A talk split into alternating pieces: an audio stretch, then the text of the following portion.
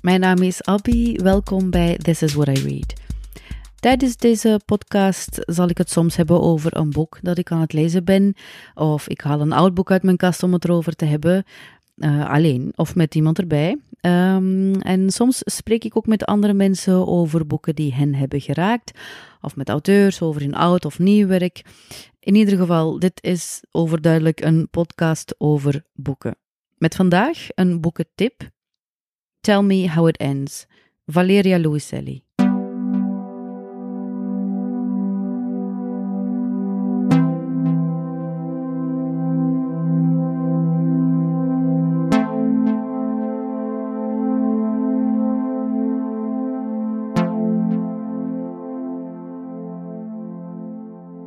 Het meisje is twee jaar oud. Ze draagt een roze trui, een donkerblauwe kniebroek en roze schoenen, roze sportschoenen.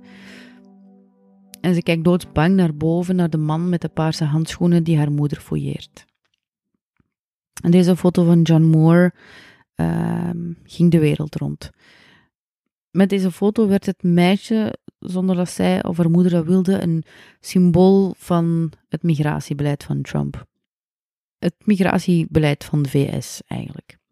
En hoe is het zover kunnen komen, vroegen mensen zich af. Eigenlijk konden we al een voorbode lezen in het boek van Valeria Luiselli, Tell Me How It Ends. Vertel me het einde, heet het in het Nederlands. En het boek is eigenlijk een bundel essays die ze schreef toen ze in New York werkte als tolk. Uh, Luiselli is zelf Mexicaanse, maar ze woont en werkt in de VS. Het is 2015, het jaar waarin de Amerikanen een piek zien van niet begeleide minderjarige vluchtelingen die het land binnenkomen via de grens met Mexico. Ze worden opgepikt, opgepakt en geplaatst en dan moeten ze verschijnen voor een rechtbank. En er zijn tolken nodig uh, die Spaans spreken en Louiselli stelt zich kandidaat en krijgt de job vrijwel meteen. Haar taak lijkt simpel. Ze interviewt de kinderen met behulp van een lijst met 40 vragen en vertaalt hun antwoorden vanuit het Spaans naar het Engels. Maar natuurlijk is het niet zo simpel. Want de kinderen hebben vaak een gruwelijke reis achter de rug en hun verhalen blijven eigenlijk nog heel lang nazinderen bij Louiselli. De meeste kinderen die ze interviewt uh, komen uit de Northern Triangle. Dat zijn Guatemala, El Salvador en Honduras. Ze proberen via Mexico de grens over te steken naar de VS. Daar proberen ze eigenlijk recht in de armen te lopen van iemand van de Border Patrol, omdat ze dan worden geplaatst en voor de rechtbank kunnen verschijnen. Alleen zo maken ze eigenlijk kans om te blijven. Wat ze ook merkt is dat bijna alle kinderen op de vlucht zijn voor gewapende bendes die hen willen inlijven. Het zijn grote drugkartels die hen of hun familie bedreigen of zelfs hun vrienden hebben vermoord. In het boek geeft Louiselli de lezer ook enkele hallucinante cijfers mee. 80% van de vrouwen en meisjes die via Mexico reizen naar de VS worden onderweg verkracht. Er zijn ook ontvoeringen. In een onderzoek uit 2011 staat dat van april 2010 tot september 2010, dus een periode van zes maanden, zo'n 11.333 mensen onderweg werden ontvoerd. Er zijn ook heel veel overlijdens en verdwijningen. Hoewel het onmogelijk is om hier exacte cijfers op te plakken, schatten verschillende bronnen dat sinds 2006 zeker 120.000 migranten of vluchtelingen zijn verdwenen of overleden tijdens hun transit door Mexico naar de VS. Het boek wordt omschreven als een van de eerste belangrijke boeken uit het Trump-tijdperk en dat klopt eigenlijk wel. Het boek verschaft ook heel wat inzichten in hoe de migratiepolitiek in de VS werkt en hoe de bendes waarvoor de kinderen op de vlucht zijn in die Northern Triangle zelfs in de VS opereren en hen zelfs daar kunnen vinden. Aan de hand van 40 vragen schetst Louiselli een beeld van een land dat nooit in staat is geweest om een menselijk beleid te voeren. Een land dat kinderen van amper vier jaar oud dwingt om zichzelf te gaan verdedigen in een rechtbank, in een taal die ze niet spreken.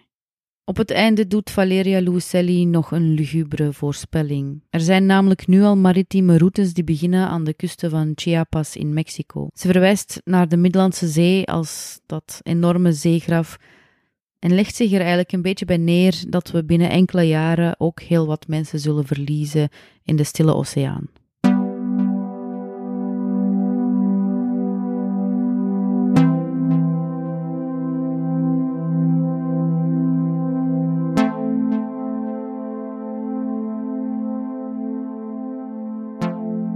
Tell Me How It Ends is dus geen hoopvol boek, maar het is wel een belangrijk boek. En ik wil jullie toch nog de 40 vragen meegeven.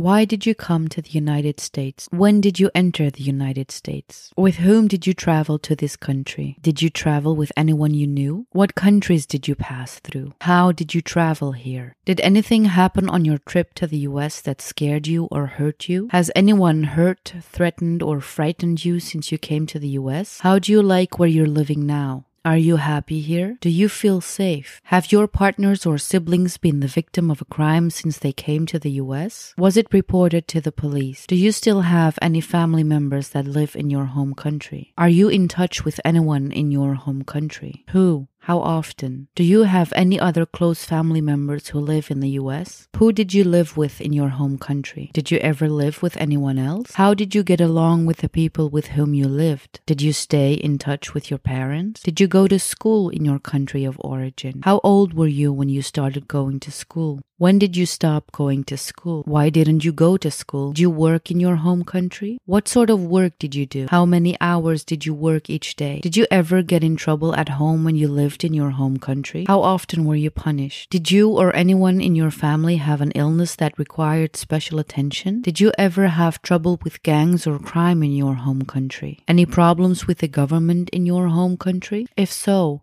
what happened? Have you ever been a member of a gang? Do you have any tattoos? What do you think will happen if you go back home? Are you scared to return? Who would take care of you if you were to return to your home country?